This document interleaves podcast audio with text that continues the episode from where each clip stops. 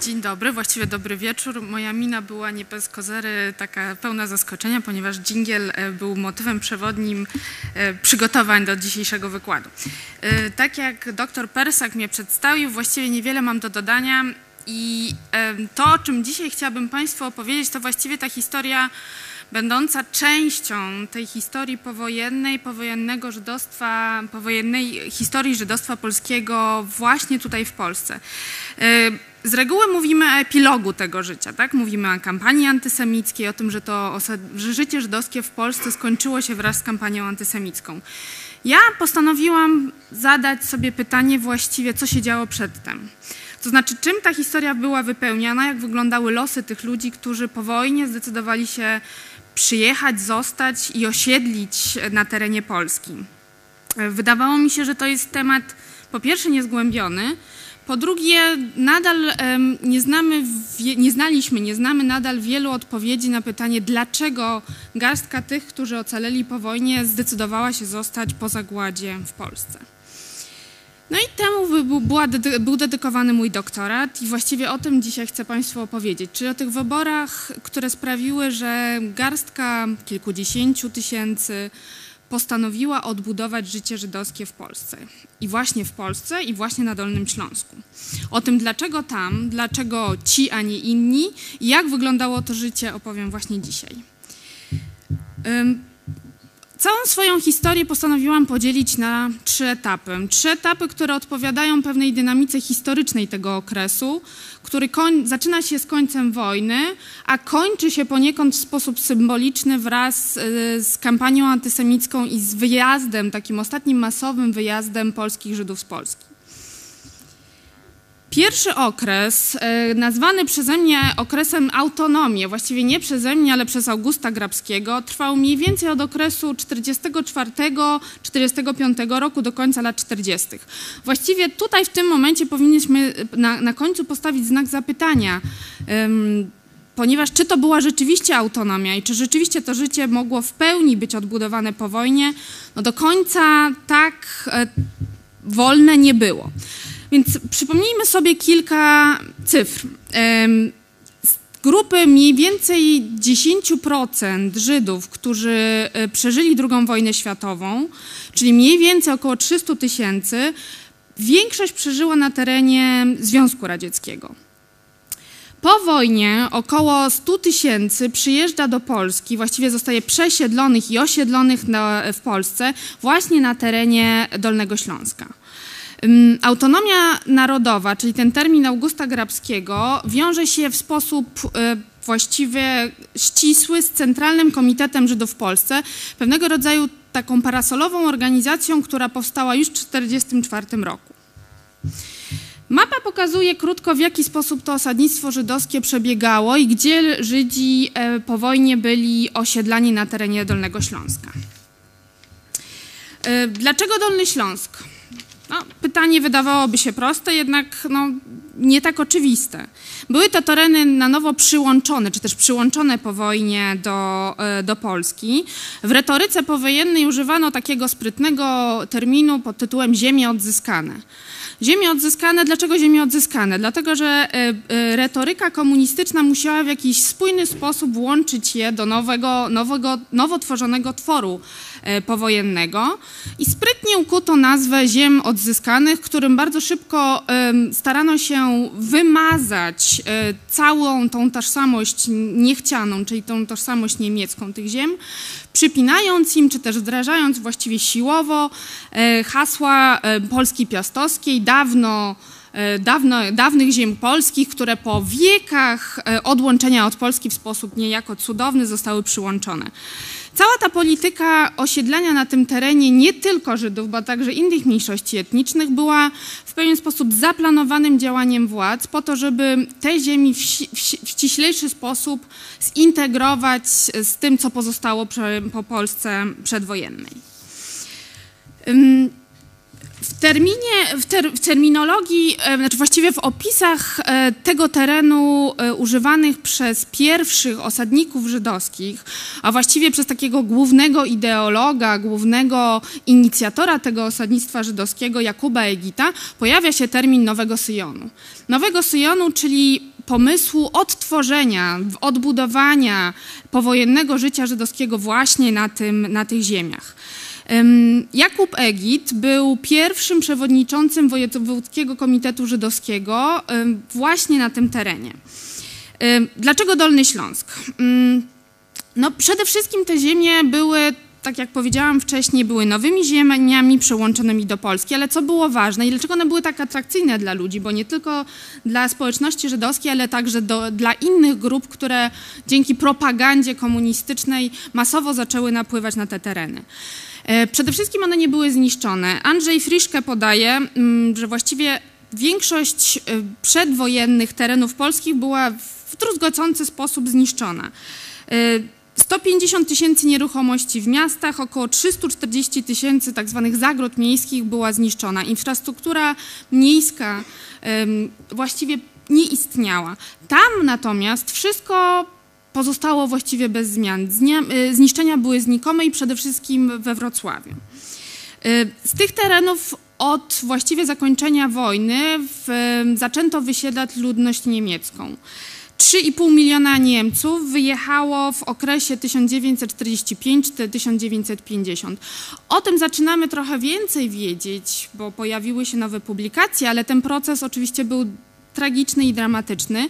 Niemniej właśnie wraz z wysiedleniami Niemców pozostawały po nich mieszkania, szkoły, fabryki, szpitale, praktycznie w pełni wyposażone. Ten proces przenikania się, to znaczy jedni przyjeżdżają, drudzy wyjeżdżają, dokonywał się w ciągu kilku miesięcy. We wspomnieniach moich rozmówców to był taki dziwny okres. To, to znaczy taki moment, kiedy oni przyjeżdżają właściwie gdzieś z odległych kreje, kresów Związku Sowieckiego, nagle znajdują się na Dolnym Śląsku i na tym Dolnym Śląsku spotykają Niemców. Niemców, którzy właściwie wychodzą z domów, zostawiają te domy i oni te domy zajmują. To było pierwsze spojrzenie czy pierwsze ujęcie z tego Dolnego Śląska. I teraz tak, pierwsze osiedla powstają już w 1945 roku. Czyli jeszcze przed tą dużą falą, która przyjechała w 1946 z terenów Związku Radzieckiego. Dlaczego już 1945 i skąd tam właściwie Żydzi? Na terenie, na tym terenie e, funkcjonował obóz Grossrosen wraz z podobozami, i w momencie wyzwalania tych ziem, po prostu więźniowie, którzy pracowali w tych obozach, wyzwalani, szukali swojego miejsca. Historycy szacują, że mniej więcej um, od 6 aż do 15 tysięcy Żydów zostało wyzwolone właśnie z obozów Grossrosen. I ci pierwsi ludzie, e, wymęczeni, wykończeni po katorżniczej pracy, postanowili zostać tam. Po prostu zostać w miejscu, z którego wyszli i zacząć budować coś. Więc pierwsze osiedla, proszę Państwa, powstają w okolicy Dzierżoniowa, Bielawy, Wałbrzycha, Kłodzka. To były takie pierwsze miejsca, gdzie ci właśnie wyzwalani z obozów zakładali struktury. Nie wiedzieli jeszcze, jak mają funkcjonować. Właściwie nikt nie wiedział, jak to wszystko tworzyć, w jaki sposób strukturalny to będzie budowane, no ale niemniej wiedzieli, że muszą coś budować od zera. 46 rok to tak jak powiedziałam, zaczyna się duża fala um, um, repatriacji, bo takiego terminu też o, używano oficjalnie ze Związku Radzieckiego i w 1946 roku przed um, nasileniem się atmosfery pogromowej, jak mówią historycy, na Dolnym Śląsku mieszkało około 90 y, do 100 tysięcy Żydów, więc prawie połowa tych, którzy ocaleli, znalazło miejsce zamieszkania tam. O czym marzyli? No, każdy człowiek ma marzenia, a myślę, że ten, który przeszedł przez tak, tragiczne wydarzenia, te marzenia właściwie pojawiły się od razu. Marzenia mogły być zrealizowane dzięki temu, że bardzo szybko zaczęły się odtwarzać struktury, tworzyć właściwie struktury, bo one nie były odtworzeniem tych przedwojennych, ale były zupełnie budowanym czymś od początku. Tak jak powiedziałam, Centralny Komitet Żydów w Polsce, organizacja utworzona już w 1944 roku, przejął na siebie obowiązek, czy też mm, konieczność stworzenia struktur, które pozwolą Żydom funkcjonować. Mm, Organizacja ta zrzeszała przedstawicieli różnych partii, bo to, co było fenomenem w tym okresie tak zwanej autonomii, mm, było to, że z 11 partii część funkcjonowała legalnie i właśnie przedstawiciele tych partii zaczęli budować wspólnym wysiłkiem to życie żydowskie. Pierwszym podstawowym wyzwaniem, które stało przed tymi ludźmi, było przede wszystkim zapewnienie opieki zdrowotnej. Mm, nie wiem, czy Państwo znają procenty. Jeżeli Państwo byli na wcześniejszych wykładach, to zapewne prelegenci mówili, ale ponad 60% ocalonych było w stanie skrajnego wycieńczenia. Mm, tych, którzy przeżyli wojnę, dotykała gruźlica, paraliż, y, obrzęk głodowy, no i cała seria chorób psychicznych, które jeszcze wtedy nie były tak dobrze zdefiniowane. W związku z tym w 1946 roku powstaje Towarzystwo Opieki Zdrowotnej, które przejmuje na siebie obowiązek zapewnienia opieki. I na Dolnym Śląsku tworzy się cały system um, opieki, znaczy cały system takiego wsparcia zdrowotnego. Powstają szpitale, przychodnie, ambulatoria, poradnie dla matki i dziecka. W momencie, kiedy ten podstawowy powiedzmy ta podstawowa potrzeba została zaspokojona, kolejnym etapem było znalezienie mieszkania. I tak jak powiedziałam, mieszkania były stosunkowo e, łatwym, łatwe do znalezienia, ponieważ opuszczane mieszkania były automatycznie zasiedlane przez tych, którzy przyjeżdżali. W całej tej strukturze znajdowania mieszkań oczywiście wspierał, wspierał ludzi polski Państwowy Urząd Repatriacyjny, który współpracował ściśle z, z reprezentantami komitetów żydowskich, czyli ci, którzy przyjeżdżali, ci, którzy się znajdowali, dostawali się pod taką całą strukturę wsparcia, która pomagała im znaleźć właśnie mieszkania. Po tym, jak mieszkania zostały znalezione, trzeba było ludziom pomóc znaleźć pracę. I tutaj znowu komitety żydowskie brały na siebie odpowiedzialność w znalezieniu pracy i e, powstał nawet osobny wydział, tak zwany Wydział Produktywizacji, który ściśle współpracował z państwowym reprezentantem tak zwanego Urzędu Komisarza do Spraw Produktywizacji Ludności Żydowskiej. Oczywiście współpraca współpracą, ale musiały znowu powstać struktury, które ułatwiały to. Organizacja Rozwoju Twórczości, organizacja, która bardzo dynamicznie funkcjonowała przed wojną, również zaczęła działać po wojnie. I tutaj co było jej głównym zadaniem? Ze względu na to, że większość tych ludzi nie miała żadnego wykształcenia, nie miała konkretnego fachu, powstała konieczność stworzenia kursów zawodowych. Czyli kursów, które w, tym, w szybkim tempie zapewnią ludziom możliwość zdobycia wykształcenia, a co za tym idzie szybkiego podjęcia pracy. I tak też się stało. E, kursy powstały, ludzie kończyli te kursy, dostawali tak zwany fach do ręki, mm, ale musieli znaleźć pracę. I tutaj znowu dzięki pomocy Jointu, czyli American Jewish Joint Distribution Committee, powstała cała struktura spółdzielni żydowskich. Spółdzielni żydowskich, które zostały zrzeszone e, w centrali, w centrali spółdzielni wytwórczych i konsumpcyjnych Solidarność. Spółdzielnie żydowskie zapewniały no, miejsca pracy. Skala produkowanych rzeczy była szeroka, od szczotek e, przez grzebienie do e, materiałów wyrabianych ze skóry czy też z metalu.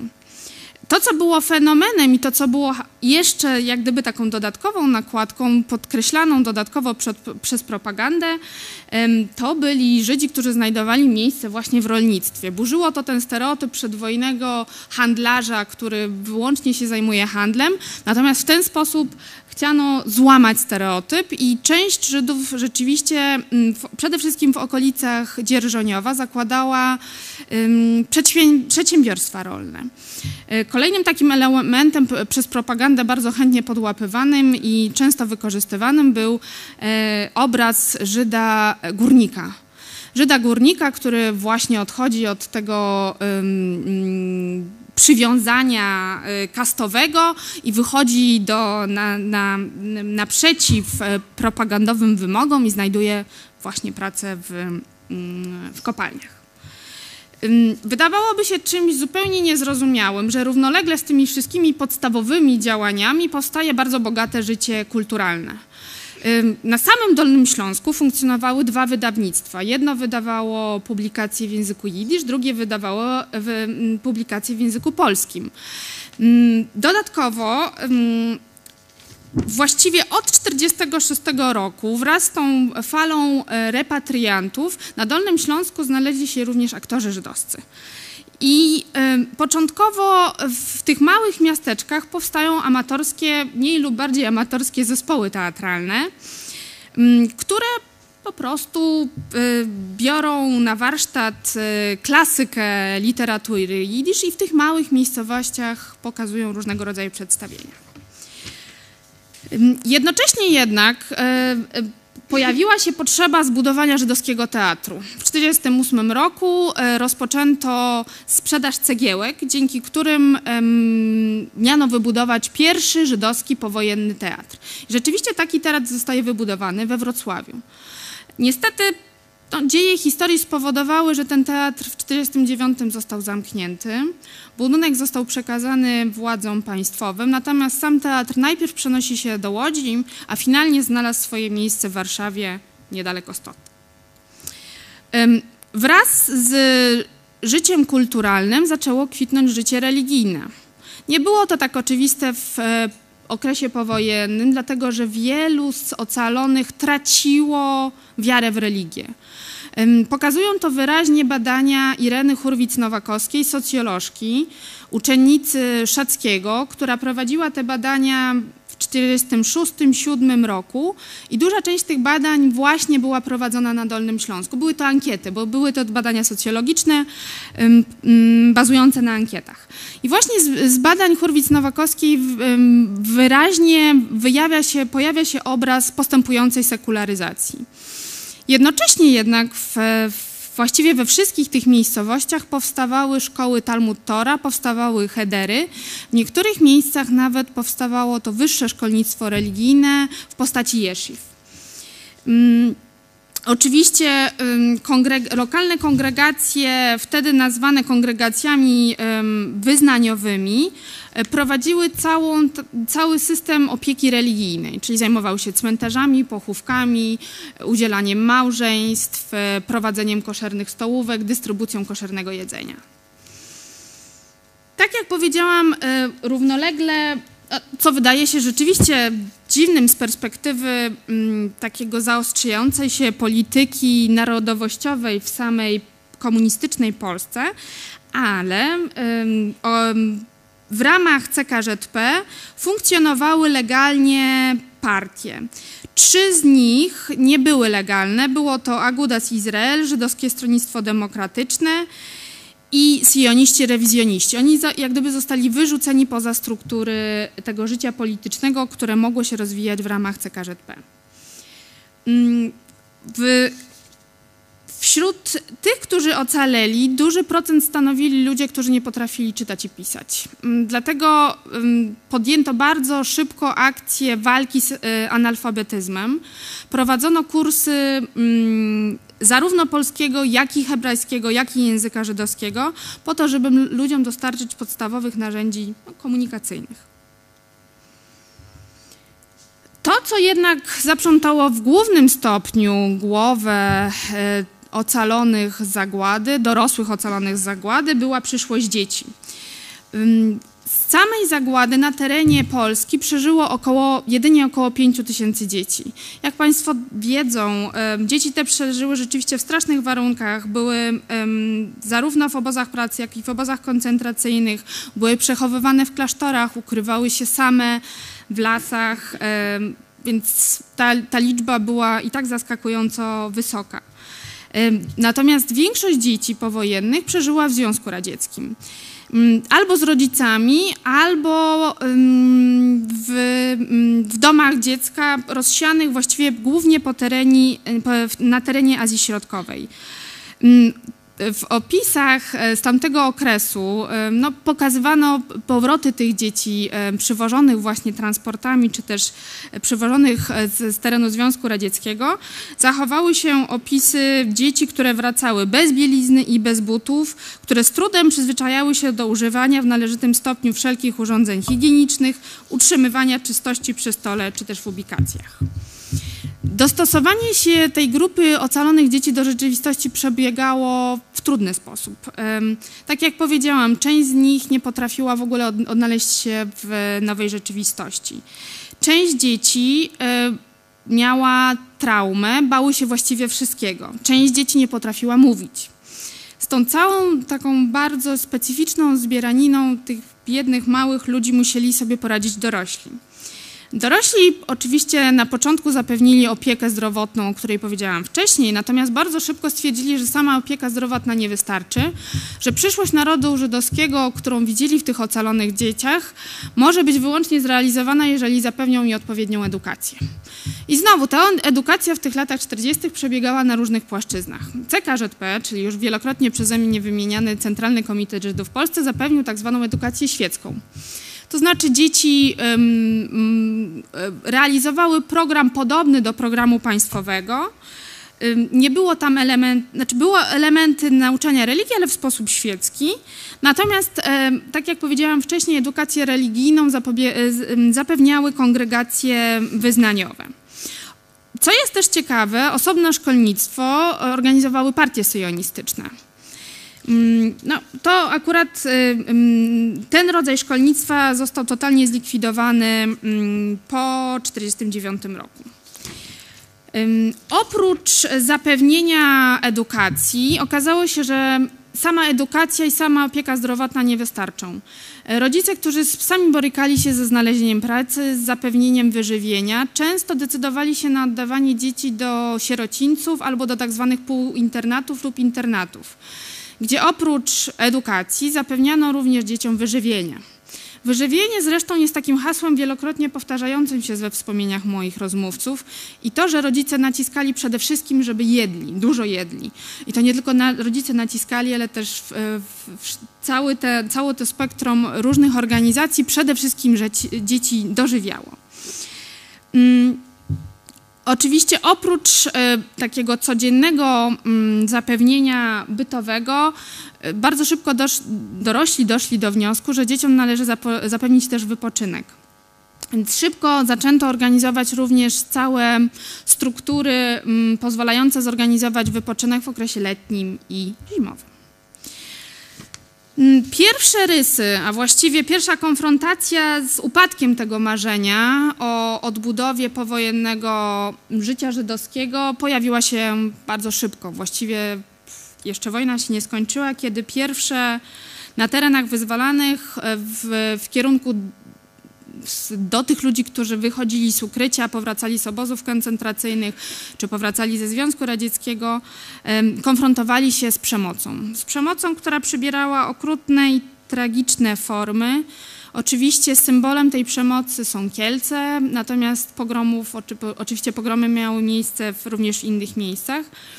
Mm, sama atmosfera niepokoju, niechęci, nienawiści dyskryminacji i ataków właściwie była powszechna.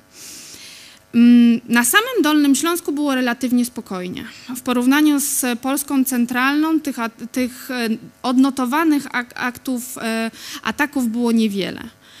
Najprawdopodobniej dlatego, że ci osiedlani nie wchodzili w nikomu w paradę. Przyjeżdżali do mieszkań, które były puste, ponieważ poprzednich właścicieli nie było, bo zostali wysiedleni. W związku z tym nie było konfliktu o te podstawowe zasoby materialne, ekonomiczne. Przez Dolny Śląsk za to przetacza się fala tych, którzy z Polski uciekają po pogromie kieleckim. Tutaj to drugie zdjęcie pokazuje Państwu Komitet Wojewódzki w Dzierżoniowie, a przed nim dwóch żołnierzy żydowskich, jeszcze w uniformach wojennych, którzy pilnują wejścia do tego komitetu. I rzeczywiście przed wieloma komitetami stawały rodzaje takiej ochrony, opieki, które miały zapobiec ewentualnym atakom. To zdjęcie z kolei znalazłam w archiwum Jointu i pokazuje, w jaki sposób ci ludzie, którzy uciekali z, z Polski, koczowali. Ponieważ oni do końca nie wiedzieli, czy mają uciekać na zachód i kierować się w stronę Niemiec, gdzie w obozach DP Camps mogli czekać na dalsze rozwiązanie swojej sytuacji życiowej, czy też kierować się na południe, przez góry, przez Czechosłowację, dalej, dalej do Palestyny, bo wtedy jeszcze państwa żydowskiego nie było. Niemniej w tym okresie znowu historycy podają pewną skalę osób, które wyjeżdżają, ale między 70, 70 a 92 tysiące ludzi opuszcza Polskę. Koniec autonomii przynosi 49 rok. Jest to moment, kiedy mm, rozpoczyna się walka z tak zwanym odchyleniem prawicowo-nacjonalistycznym. Tutaj pierwsze odium tak, ataku niechęci spada przede wszystkim na syjonistów jako tych reprezentujących czy będących uzasadnieniem, czy też taką twarzą tak zwanego separatyzmu żydowskiego. Ich oskarżono o odśrodkową, szkodliwą, reakcyjną i antypolską działalność. Oczywiście jest to moment pokrywający się z powstaniem państwa Izrael i z tym, że państwo Izrael jako swojego sojusznika nie wybrało Związku Radzieckiego, ale Stany Zjednoczone. I następuje kres. To nas, następuje kres, który sprowadza się do tego, że e, komuniści żydowscy przejmują warkle, znaczy władzę w strukturach lokalnych, wojewódzkich, ale także tych centralnych Następuje upaństwowienie właściwie wszystkich instytucji żydowskich, czyli wszystkie te szpitale, szkoły, domy starców, czyli ta, cała ta infrastruktura z pietyzmem odbudowywana po okresie powojennym zostaje upaństwowiona. Joint, o którym wspomniałam wcześniej, dzięki któremu w dużym stopniu ta, ta odbudowa tego autonomicznego życia żydowskiego była możliwa, zostaje z Polski wyrzucony. Okres ten kończy się emigracją. Emigracją około 28-30 tysięcy z terenów całej Polski, natomiast około 20 tysięcy opuszcza Dolny Śląsk. Rozpoczyna się kolejny etap. Kolejny etap, który trwa mniej więcej od mm, roku 950 do 955, który właściwie skupia się wokół, e, wspólnotowe życie skupia się wokół jedynej oficjalnie funkcjonującej organizacji, jaką było Towarzystwo Społeczno-Kulturalne e, Żydów w Polsce. Organizacji, która powstaje w 950 roku, świeckiej organizacji. Należy jednak zaznaczyć, że związki religijne, kongregacje, kongregacje wyznaniowe zostały zachowane, natomiast wiele osób nie decydowało się na oficjalne wstąpienie do kongregacji, również ze względu na powiedzmy ogólnopanującą niechęć do religii. Przechodząc do meritum. Życie społeczne i w ogóle życie jednostki było poddawane notorycznej inwigilacji. Nie wiem, czy Państwo wiedzą, ale system e, bezpieczeństwa działał wyjątkowo sprawnie i historycy szacują, że około 70 tysięcy agentów pracowało na rzecz codziennego sprawdzania, co ludzie robią. Więc ta kontrola rzeczywiście była dosyć drobiazgowa. Aby zminimalizować życie prywatne albo w jakiś sposób wpłynąć na jego e, skalę, kierowano ludzi, czy też nakłaniano ludzi do tego, żeby czas wolny spędzali w różnego rodzaju wspólnotach, grupach. Oczywiście grupy te oznaczały mm, różnego rodzaju organizacje, które pozwalały mm, funkcjonować po pracy. Mm, I czas wolny był wypełniony akademiami, wieczornicami, masówkami, pracami społecznymi, szkoleniami politycznymi. To zdjęcie na dole jest o tyle ciekawe, ponieważ z reguły widzimy prelegentów, czyli osoby, które stoją tutaj, przemawiają do ludzi, wygłaszają jakiś rodzaj prelekcji. Natomiast to zdjęcie znalazłam po jakimś czasie, pokazuje rzeczywiście, że na te prelekcje przychodzili ludzie.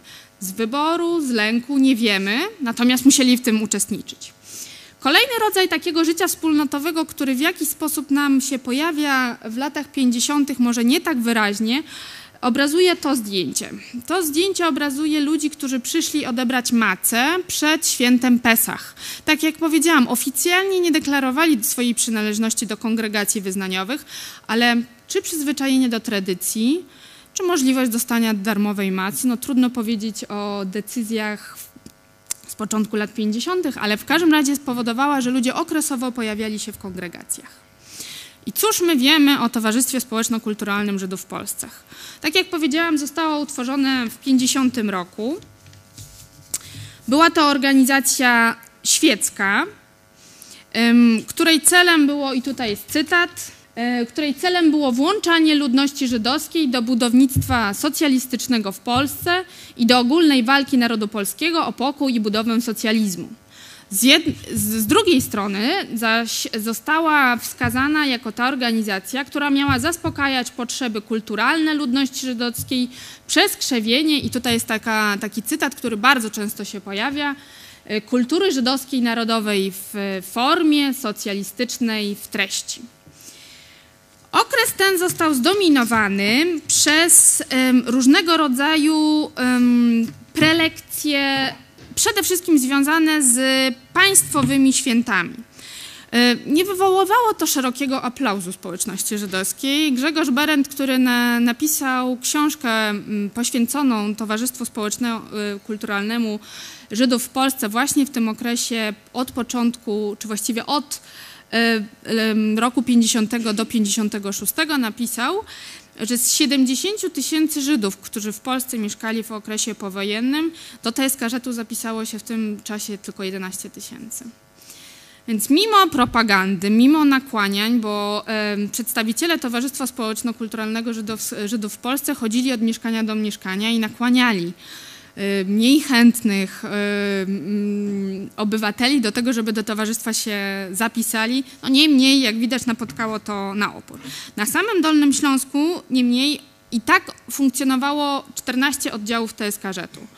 Y, żeby Państwu pokazać, nie wiem, czy Państwo mają w głowie tę mapę pierwotną, niemniej oddziały TSKŻ-u działały w Bielawie, Dzierżoniowie, Jeleniej Górze, Kamiennej Górze, Kłodzku, Legnicy, Pieszycach, Strzegiomu, Świdnicy, Świebiodzicach, Wałbrzychu, Wrocławiu, Ząbkowicach i Ziembicach.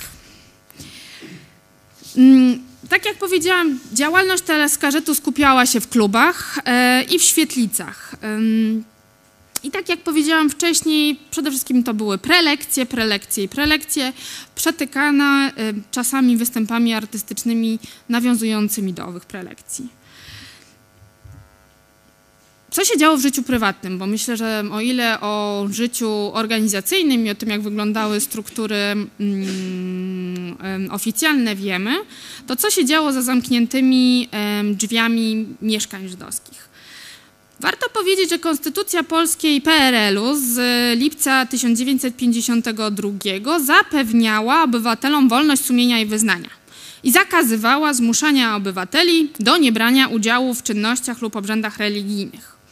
Dobrze, to mówiła Konstytucja. Z drugiej strony TSKZ w sposób planowy i konsekwentny usunął ze swojej oferty programowej jakiekolwiek nawiązania do tradycji i religii. W szkole sekularyzacja właściwie była powszechna, natomiast codzienność była inna. W, w, o tym powiem za chwilę, natomiast w, po okresie upaństwowienia, znaczy w momencie upaństwowienia szkół żydowskich powstał pewien rodzaj substytut, który i tak wydaje się fenomenem w tym okresie powojennym, ponieważ powstały państwowe szkoły z żydowskim językiem nauczania. I w tychże szkołach y, znalazły swoje miejsce dzieci z bardzo różnych rodzin. Zarówno te dzieci, które były z rodzin bardziej tradycyjnych, jak i te dzieci, które były dziećmi komunistów. Więc te dzieci spotykały się na codziennej niwie w, właśnie w szkołach. I tam też dochodziło do kontaktów oczywiście między, między nimi. Przychodziły też opowiadając o tym, co się dzieje w ich mieszkaniach za zamkniętymi drzwiami. I co się okazało? Za, za, tymi zamkniętymi drzwiami kwitło całkiem bogate życie religijne. Może nie, nie było stricte religijne, ale natomiast było w dużym stopniu nawiązywało do tradycji i obyczajów żydowskich. I tutaj um, chciałabym Państwu przytoczyć kilka cytatów, bo myślę, że są dosyć zaskakujące w okresie stalinizmu, opisujące takie życie codzienne. Więc w dolnośląskich kamienicach, akurat w Dzierżoniowie, obchodzono święto Hanuki. I jeden z moich rozmówców mówił tak, święto świateł. Mówiło się, że to jest związane z jakimś cudem, że dzieciom daje się prezenty. Ubierało się taki woreczek i każdy z rodziny przychodził i coś tam wrzucał dla dzieci. A na Purim to mi ojciec piekł babkę, takie ciasteczka, takie hamentasze. Robił mi też maskę i chodziliśmy od jednego mie mieszkania do drugiego mieszkania, wspólnie śpiewając. Mm, w tym okresie przymusem każdego obywatela polskiego było wzięcie, znaczy w momencie, kiedy zdecydował się na ślub, musiał wziąć ślub tak zwany cywilny. Równolegle z obowiązkiem e, ślubów cywilnych wiele małżeństw żydowskich decydowało się na ceremonię religijną za zamkniętymi drzwiami. I wielu z moich rozmówców przypomina i opisuje kolorowe ceremonie zawierania małżeństw właśnie w prywatnych domach albo w podwórkach kamienic. E, no, znowu, e, dla osoby, która po raz pierwszy słyszała o tym, wydawało się czymś zupełnie niemożliwym, że po wojnie w Dzierżoniowie, we Wrocławiu nadal odbywały się religijne śluby żydowskie pod baldachimem, pod chupą, zbierające wiele osób, które przyjeżdżały na ten ślub z całej Polski. Mm. Niestety równocześnie, właściwie paralelnie z, z tym, co się działo na niwie szkolnej, na niwie TSK-żetu, e, w w, w samym państwie zaczęła nasilać się retoryka nacjonalistyczna. Od 51 zdaniem Marcina Zaręby następuje powrót do haseł nacjonalistycznych, które miały służyć mobilizacji sił. E, proces jednoczenia narodu polskiego przebiegał e, w kontrze mm, do głównego wroga, którym stał się imperializm. I znowu, ataki kierowane przede wszystkim y, w stronę syjonistów i syjonistów piętnowano jako tych, którzy zagrażają e, porządkowi i spokojowi, bezpieczeństwu powojennej Polski. Co było ciekawe, e, w, oficjalnie antysemityzm był potępiany. Zmiany przynosi odwilż. Odwilż, która zaczęła się referatem Chruszczowa z 1956 roku, podczas którego sam Chruszczow uderzył w mit nieżyjącego już wtedy Stalina i podważył słuszność wiary w komunistyczny porządek. Trzeba było znaleźć kozła ofiarnego i po raz kolejny, jak wiemy w historii, nastąpiła e, eskalacja zachowań czy też postaw antysemickich. Mm, Podwilżowe wezwanie do oczyszczania kadr stowarzyszy żydowskich oskarżanych o zbrodnie stalinizmu i odchylenie nacjonalistyczne doprowadziło przede wszystkim do zwolnień. I wydawałoby się, że zwalniani będą przede wszystkim ci, którzy w jakiś sposób są związani ze strukturami władzy. Niestety nie, ponieważ e, zwolnienia dotknęły ludzi, również ludzi pracujących w fabrykach, spółdzielniach pracy i urzędach. To, co działo się na górze, czyli w tak zwanym świecie dorosłych, szybko przeszło do świata dzieci. E, moi rozmówcy, którzy wtedy mieli kilka lub kilkanaście lat i chodzili do szkół żydowskich, ale także do szkół polskich, pamiętają ten okres jako okres wzmożonych ataków w przestrzeni życia codziennego. Pamiętają, że obrzucano ich kamieniami, pamiętają wyzwiska, a ci, którzy chodzili do szkół polskich, pamiętają, że w czasie religii byli ostentacyjnie wypraszani z klas i zostawali sami na korytarzu. Dla kilkuletniego dziecka było to rzeczywiście bardzo trudnym i ciężkim doświadczeniem. To, co się działo w, jak gdyby w samym, znaczy na płaszczyźnie życia codziennego, nałożyło się na e, liberalniejsze, czy też liberalizację polityki paszportowej komunistycznego państwa. Czym to się było związane? Państwo polskie otwiera granice dla polskich Żydów i zezwala im na wyjazd do Izraela. I znowu w ciągu kilku miesięcy, bo ten okres najdynamiczniejszych wyjazdów trwał mniej więcej od 56, od połowy 56 do 57, 39 tysięcy opuszcza Polskę. W całym tym okresie pięciolecia między 50 a 55 jest około 51 tysięcy osób, które wyjechały z Polski do Izraela. Ten okres jest to również okres dynamicznych e, ruchów migracyjnych. Jak wiemy, 51 tysięcy wyjeżdża, z dnia na dzień pustoszeją mieszkania, ale nie zostają one puste. Ponieważ na mocy porozumień e, zawartych z, przez rząd polski, znowu z, z mm, Związkiem Radzieckim, zezwolono na powrót do Polski kolejnej grupy obywateli, byłych obywateli, obywateli polskich. I wtedy też do Polski przyjeżdża 18 tysięcy Żydów. 18 tysięcy Żydów, ale właściwie Żydów wraz z rodzinami. bo i ta repatriacja i zasady tej repatriacji, zasady tych powrotów dotyczyły nie, nie, nie tylko i wyłącznie Żydów, ale także ich rodzin. Dobrze, wydawałoby się, że to jest to dobrym rozwiązaniem. Część wyjeżdża, nowi przyjeżdżają, uda nam się utrzymać struktury życia w takiej formie, w jaką, jaka została wypracowana. Nic bardziej mylnego. Ci, którzy przyjeżdżali ze Związku Radzieckiego, postanowili zostać tylko tu przez chwilę, żeby zalegalizować swój pobyt, zdobyć niezbędne papiery upoważniające ich do wyjazdu do Izraela. E, przez kilka lat e, to trwało mniej więcej 2-3 lata. Przede wszystkim przez Dolny Śląsk przewija się kotłowanina. To znaczy jedni wyjeżdżają, drudzy przyjeżdżają. Ci, którzy przyjeżdżają nie znają, duża część nie zna polskiego, znają głównie rosyjski. Trzeba znaleźć im miejsce zamieszkania, trzeba im znaleźć pracę, dzieciom zapewnić edukację.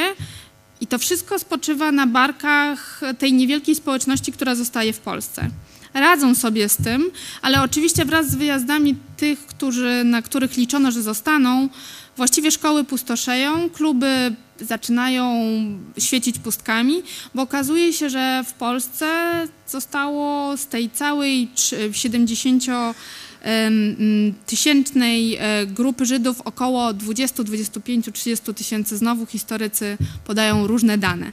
Więc w porównaniu z tym, co się działo na początku lat 50., ta społeczność się w sposób gwałtowny kurczy. I wtedy do głosu dochodzą młodzi. Mm, okres lat 56-69 jest to okres ludzi młodych. Dlaczego ludzi młodych? Dlatego, że w, wtedy w dorosłość, a przynajmniej w okres dojrzewania, ale też, też z publicznego zabierania głosu, wchodzą ci, którzy urodzili się już po wojnie. Wtedy są nastolatkami, no, mniej więcej ludźmi powiedzmy kilkunasto-dwudziestoletnimi i oni zaczynają szukać swojego miejsca w tej powojennej strukturze. Nadal mają e, TSKZ. Nadal e, od 1957 roku joint, który jak Państwo pamiętają został wyrzucony z Polski pod koniec lat 40. wraca. E, z jointem wracają pieniądze. Pieniądze, które pozwalają stworzyć całą strukturę organizacyjną tego życia żydowskiego, czy ją odtworzyć, czy też ją jak gdyby wzmocnić. Zanim przejdziemy jednak do, do młodych i do opowieści o nich, kilka słów o dorosłych, bo mówiliśmy o tych, którzy budowali to, społecze, to, to osadnictwo żydowskie na Dolnym Śląsku, ale przyjrzyjmy się im bliżej. Kim byli? Mniej więcej na początku lat 60. na Dolnym Śląsku mieszkało około 7-8 tysięcy Żydów. Wiemy to dzięki badaniom ankietowym prowadzonym przez historyka, socjologa Szyję Bronsteina. Połowa mieszkała we Wrocławiu. Reszta była rozproszona w kilku właściwie miastach, z których główne to był Wrocław, Legnica i Wałbrzych. Ci, którzy przeżyli, funkcjonowali w rodzinach elementarnych, czyli takich których podstawową jednostką było małżeństwo i dzieci. Niemniej ta cała struktura elementarna łączyła się w takie szersze struktury mm, wymyślonych rodzin, czy też stwarzanych rodzin, czy też sztucznych rodzin, gdzie ludzi łączyły niebiologiczne więzi. Okazało się, że pochodzenie, czyli miejsce urodzenia przedwojennego, czyli mały sztedl, małe miasteczko, ale to też w jaki sposób spędzili swoje losy wojenne łączy ludzi w tak silny sposób, że pozwala im stworzyć jak gdyby namiastkę rodziny, namiastkę tej rodziny, którą utracili w czasie wojny. Jedną trzecią małżeństw stanowiły małżeństwa mieszane. Większość to były małżeństwa żydowsko-polskie, ale też dużą część stanowiły małżeństwa rosyjsko-żydowskie i ukraińsko-żydowskie. Jeżeli chodzi o język, jeżeli jak Państwo będą czytali wspomnienia właśnie tych, którzy w Polsce mieszkali po wojnie, okazało się, że rodzice między sobą rozmawiali w tak zwanym tajemnym języku, nazwanym językiem żydowskim, czyli po prostu językiem, posługiwali się na co dzień językiem jidysz. Był to język oczywiście pierwszy dla nich, ten język, w którym się wychowywali i dorastali. Dzieci swoich już uczyć nie chcieli języka żydowskiego, ale o tym za chwilę. Ta tabelka zaczerpnięta z nieopublikowanej niestety jeszcze pracy mm, pana Szydzisza, który ową tabelkę sporządził na podstawie badań Bronsteina, pokazuje, że ponad 50% tej grupy to byli ludzie z podstawowym wykształceniem albo z nieukończonym podstawowym wykształceniem. Czyli bardzo prości ludzie. Mm, tak jak mówiłam wcześniej, większość z nich nie miało zawodu, ten zawód nabywało w okresie powojennym, nie miało wykształcenia, a zatrudnienie znajdowali przede wszystkim w spółdzielniach. To jest jedna ze spółdzielni, tym razem e, spółdzielnia w Legnicy, spółdzielnia krawiecka. Dla rodziców żyjących w tym świecie gdzieś zawieszonym w próżni, to znaczy pomiędzy tym światem zniszczonym, tym budowanym na nowo, tym otoczonym restrykcjami, restrykcjami związanymi z językiem, z tradycją, y, z tą przerwaną ciągłością pokoleniową, mm, dla nich oazą stały się kluby TSK-żetu i spółdzielnie, czyli miejsca pracy i miejsca spędzania czasu wolnego. E, jeden z cytatów e, nawiązuje do tego, co wcześniej mówiłam, to znaczy do tego, że właściwie wielu z tych rodziców po polsku nie mów, znaczy mówiło, ale w kiepski sposób. E, I na ulicach na przykład Dzierżoniowa, o tym zapomniałam powiedzieć, ale proszę Państwa, Dzierżoniów w 1946 roku miał ponad 99% mieszkańców żydowskich, czyli prawie 17, ponad 17 tysięcy z, aglo, z aglomeracji, no trudno nazwać Dzierżoniów aglomeracją, ale z miejscowości XIX-tysięcznej e, stanowili Żydzi. Oczywiście wraz z emigracjami ta społeczność się zmniejszała, niemniej procent e, społeczności żydowskiej nadal pozostawał uliczny. I właśnie w tym żydowskim dzierżoniowie na co dzień można było słyszeć po prostu język żydowski. Jeden z moich rozmówców mówi tak: mentalność była mniej więcej taka sama, te same rodziny i większość biedota przedwojenna, bardzo mało inteligencji uczonej. I te domy dały podstawę taką samą wszystkim. I jaką podstawę dały te domy? Hmm, to, o czym właściwie, o czym już wspominałam, przede wszystkim o tym, że nie mówiono o zagładzie. Milczenie było praktycznie zupełna, przynajmniej tak rodzicom się wydawało. Nie mówili o zagładzie, ale nie mówili też o życiu poprzedzającym zagładę. Nie mówili o rodzinach, nie mówili o poprzednich małżeństwach, nie mówili o żonach, nie mówili o dzieciach, które zginęły w czasie zagłady, milczeli. Przynajmniej tak im się wydawało. W momencie, kiedy wydawało im się, że dzieci nie ma, że są w innym pokoju, że wyszły, że nie rozumieją, jak, się do, jak oni między sobą mówią, widzisz, opowiadali sobie. Cały czas kompulsywnie wracali do historii rodziny, rozważając, co się właściwie stało. Dzieci słyszały o tym, nie do końca rozumiały oczywiście o co chodzi, o kim oni mówią, ale z tych pozostawionych elementów, z tych fragmentów tej historii wiedzieli, że czymś się różnią, w znaczący sposób różnią się od innych. To poczucie odrębności spowodowane skutkami zagłady, czyli tym, że żyli w rodzinach elementarnych, tym, że nie widzieli swoich babć, cioć, wujków, znaczy widzieli, ale do końca nie wiedzieli, wiedzieli, że to nie są biologiczne więzy, powodowały, że czuli się inni, odmienni. Mm, rodzice stawiali sobie za podstawowy punkt honoru wykształcenie dzieci. To był jeden z tych czynników, który zadecydował, że zdecydowali się zostać w Polsce powojennej. Wierzyli, że nowy system głoszący równość wszystkich wobec prawa e, zapewni im wykształcenie. I tak rzeczywiście było. Dzieci kończyły szkoły żydowskie, kończyły licea, bo dwa licea funkcjonowały na Dolnym Śląsku, dwa licea żydowskie. E, były to, było to liceum w Legnicy i we Wrocławiu. Po ukończeniu szły na studia. Jak Państwo myślą, które kierunki były preferowane przez e, rodziców żydowskich? Medycyna, prawo, no ewentualnie jeszcze inżynier był tolerowany. Te trzy um, kierunki były rzeczywiście takimi kierunkami, w które dzieci jak gdyby um, pchano. Z jednej strony pchano dzieci do polskości, mówiąc nie ucz się języka żydowskiego, bo i tak ci nie będzie przydatny. E, e, w dokumentach zachowanych e, przez kuratoria możemy znaleźć poświadczenie tego, w jaki sposób rodzice kłócili się z nauczycielami w szkołach żydowskich, mówiąc, że po co nam jest język żydowski, tym dzieciom się do niczego to nie przyda. Natomiast szkoły żydowskie uczyły języka jidysz, więc ten konflikt rzeczywiście na wielu płaszczyznach występował. Z drugiej strony endogamia grupowa była silna. Mam nadzieję, że uda mi się znaleźć e, fragment, który o tym mówi. Momencik. Więc tak, jeden z moich rozmówców mówi tak. Ja miałem dziewczynę, taką pierwszą poważną dziewczynę i najprawdopodobniej jedyną poważną, którą miałem w Polsce. I moja mama bardzo źle zaczęła reagować, bo to zaczynało być dosyć poważne. Wiesz, my mieliśmy 17 i 18 lat i moja mama zaczęła krzyczeć, po żydowsku krzyczeć. A Schickste hast du gebracht, przyprowadzałeś do domu nieżydówkę.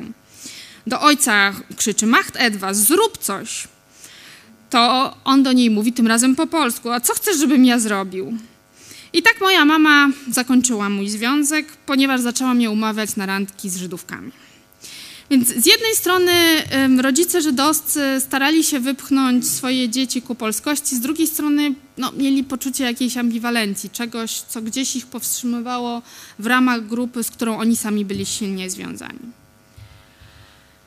Mm, kim było to powojenne pokolenie?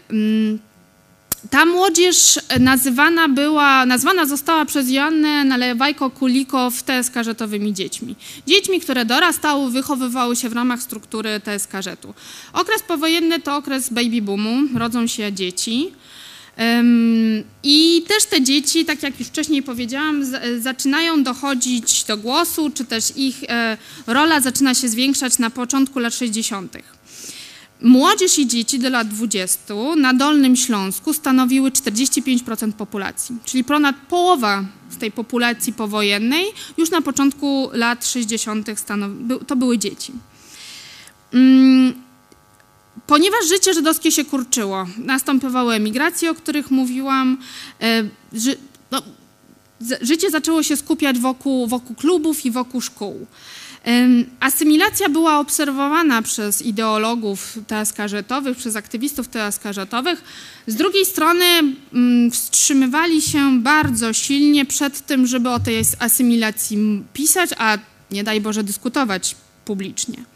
Jednakże podejmowali środki zaradcze i znowu tutaj na e, wokandę i do głosu dochodzi joint, dzięki któremu powstały tak zwane mm, kluby dziecięco-młodzieżowe, ale o tym za chwilę. Kilka słów na temat szkolnictwa żydowskiego, o którym wspomniałam. Jak Państwu powiedziałam, w latach 50., od 50 roku utworzono szkoły żydowskie, e, znaczy szkoły państwowe z żydowskim językiem nauczania. Były to państwowe szkoły, e, w których uczo, uczyły się dzieci żydowskie. Um, przepraszam, tylko zerknę tutaj. I teraz tak, początkowo językiem wykładowym był, miał być język jidysz. Tak jak powiedziałam szybko, to z tego zrezygnowano i językiem wykładowym stał się polski. Od początku te szkoły właściwie konfrontowały się z dwoma podstawowymi problemami. Brakiem podręczników, nie było podręczników do nauki języka żydowskiego, nie było podręczników do nauki historii żydowskiej, i właściwie nigdy one nie powstały. Dodatkowo kolejne migracje powodowały, że bardzo szybko kurczyła się grupa nauczycieli żydowskich, a na ich miejsce zatrudniano po prostu polskich, polskich nauczycieli. Poziom nauczania był wysoki, ponieważ kurikulu, znaczy, tak jak powiedziałam, kuratorzy, którzy wizytowali te szkoły, nie odnotowali żadnego przenoszenia dziecka ze szkoły żydowskiej do szkoły polskiej, jak gdyby wynikającego z inicjatywy rodziców. Szkoły tak jak powiedziałam, w związku z tym, że kurczyły się, tych dzieci było coraz mniej, no, pojawił się problem, jak utrzymać szkołę, która na, ze szkoły kilkusetosobowej nagle skurczyła się do kilku, kilkanaściorga dzieci. Znaczy, rozwiązanie wydawało się zaskakujące, ale postanowiono łączyć szkoły dla mniejszości etnicznych i na przykład we Wbrzychu do szkoły żydowskiej dołączono, dokwaterowano uczniów greckich, czyli dzieci komunistów greckich, którzy wtedy się znaleźli, znaczy wtedy mieszkali na Dolnym Śląsku. Szybko się okazało, że te różne próby rozwiązywania sytuacji nie spełniają właściwie swojej roli, bo i tak tych dzieci było coraz mniej. I ostatecznym e, zamknięciem, i te szkoły stopniowo zamieniały się po prostu w szkoły polskie, ponieważ coraz więcej mm, dopraszano dzieci polskich. E, szkoły żydowskie, czyli ten etap trwający od zakończenia wojny do końca lat 60., e, właściwie ostatnią klasą żydowską, którą zamknięto, była klasa we Wrocławiu, którą zamknięto w 1969 roku. Tak jak powiedziałam, i to już szybko, bo już dosyć długo mówię, więc tylko króciutko. W, w ramach kluba, klubów dziecięco-młodzieżowych, czyli tej struktury, która zaczęła powstawać dzięki dotacji jointu, zaczęto organizować różne um, działania dedykowane czy też kierowane do ludzi młodych. Um, I też wizje były od, od, odmienne. Ideolodzy TSK Rzotowi widzieli przyszłość polskiej młodzieży żydowskiej w jakiejś formie reaktywowania kultury jidysz. Do końca nie wiedzieli, co to znaczy, więc wiedzieli, że to ma być język jidysz, wiedzieli, że to ma być kultura żydowska, ale do końca nie wiedzieli, w jakiej formie ma to funkcjonować.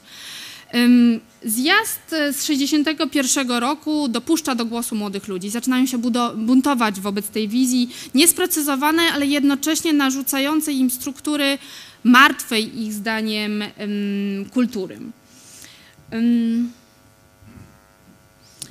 I tak jak powiedziałam, jest to sprzeciw wobec Nusech Poilin, czyli tej dro drogi polskiej, drogi polskiej, która miała być budowana wokół kultury jidysz.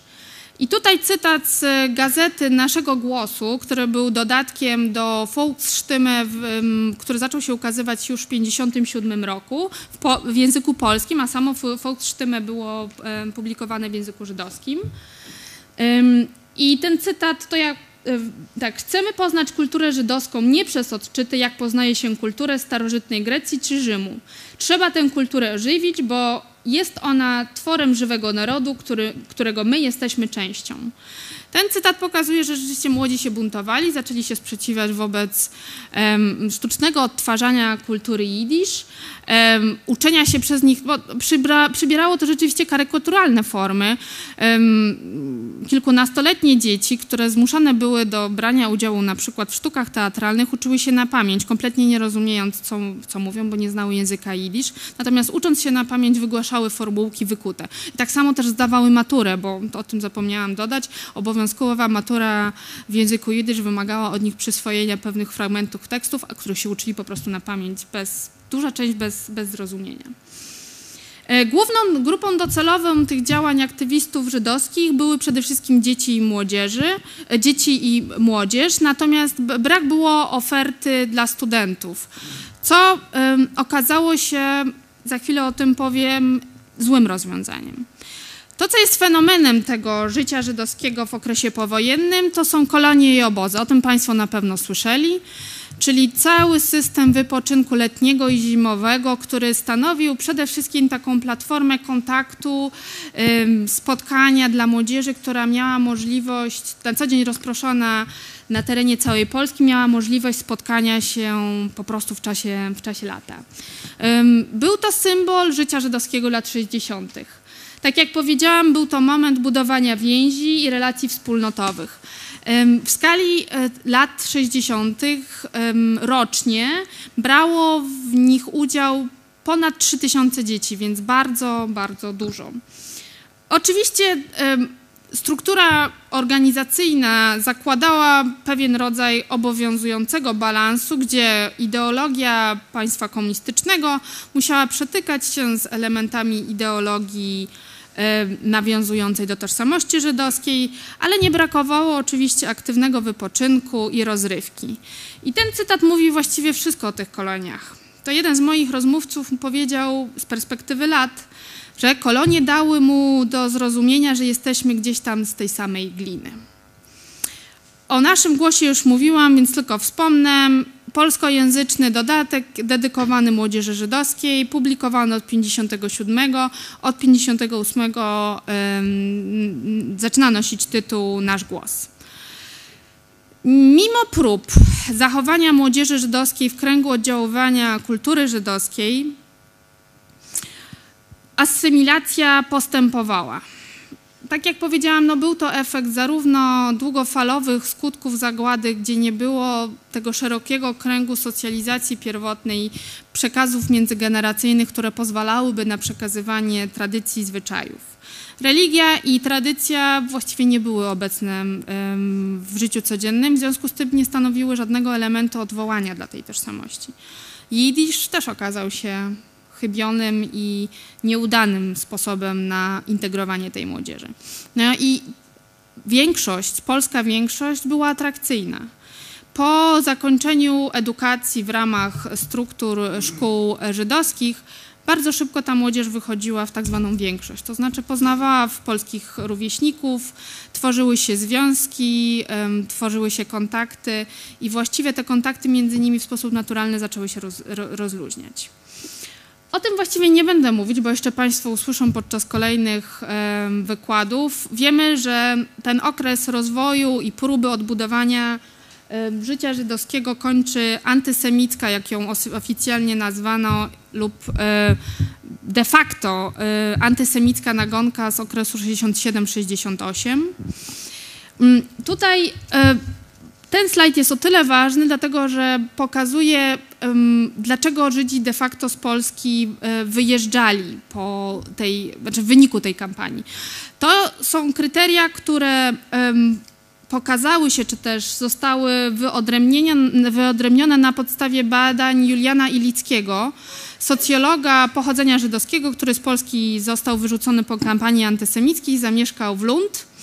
I tam 10 lat po wyjeździe zadał e, innym osobom, które przyjechały w wyniku wyrzucenia z Polski właśnie do Szwecji, pytanie, dlaczego, dlaczego zdecydowały się na wyjazd z Polski. Przede wszystkim ze względu na osobiste ataki i upokorzenia. Kolejnym punktem były zwolnienia z pracy. Trzecim punktem było wadalenie ze studiów. Potem, po wyrzuceniu z pracy i po wyrzuceniu, relegowaniu z uczelni, niemożliwość znalezienia pracy, aresztowania. Ważną i bardzo taką dotkliwą i częstą wspominaną przez moich rozmówców e, częścią tego całego procesu wykluczenia było poczucie napiętnowania i zaszczucia, ale także takiego bardzo bolesnego poczucia odtrącenia. Odtrącenia na płaszczyźnie codziennych kontaktów, to znaczy z dnia na dzień, z miesiąca na miesiąc, z tygodnia na tydzień, poczuli, że nie są częścią czegoś, czego sami czuli się. To, co było tragiczne i co powtarzało się ciekawie w rozmowach z najstarszym pokoleniem, to był lęk o fizyczne zagrożenie. Ci najstarsi moi rozmówcy, czyli to pokolenie przedwojenne, mówili, że ta kampania pokazała im, że znowu mogą stać się celem ataku. Ponieważ już kilkakrotnie wcześniej się z tym konfrontowali, bali się, że historia się powtórzy. Nasilenie wyjazdów nastąpiło wraz z wprowadzonym, zmianą warunku, która miała wejść w życie od 1 września 1969 roku. W opowieściach moich rozmówców to jest tak zwane gorące lato. Gorące lato, kiedy w sposób gwałtowny i dynamiczny podejmowano decyzję o wyjeździe. Z Polski wyemigrowało, historycy podają różne dane, między 12, 12 a 30 tysięcy, no niemniej najbardziej prawdopodobną liczbą jest 13. Co zostało? Co zostało w Polsce? Bo myślę, że o ile trochę wiemy na temat tego, co się działo po wyjeździe, mało nadal wiemy i to jest dalej e, ten punkt do rozważań i analiz, co się stało po wyjeździe. Przede wszystkim te ZKŻ znacznie ograniczyły swoje działa, e, swoją działalność. Większość z nich utraciła lokale. Została albo pozbawiona ich zupełnie, albo w znacznym stopniu ograniczono e, te lokale używane przez TSKŻ-u. Joint po, wy, wyrzucony z Polski po raz kolejny po wojnie sześciodniowej traci możliwość dotowania oficjalnego przynajmniej tych struktur, które pozostały w Polsce. No i niestety nieuchronna demografia. Duża część tej społeczności, która pozostała, była to e, społeczność starzejąca się. Niemniej to jest rzeczywiście to, co się wydarzyło po marcu, jest um, właściwie tematem na oddzielny referat. Dokąd wyjechali? Z tych 13 tysięcy, 12-13 tysięcy, około 3 tysięcy wybiera Izrael, 3 e, tysięcy wybiera Szwecję i Danię i 6 tysięcy USA, Kanada, ale także inne miejsca. I krótko o tym, co się dzieje, ale mam nadzieję, że o tym jeszcze będę miała okazję Państwu opowiedzieć kolejnym razem.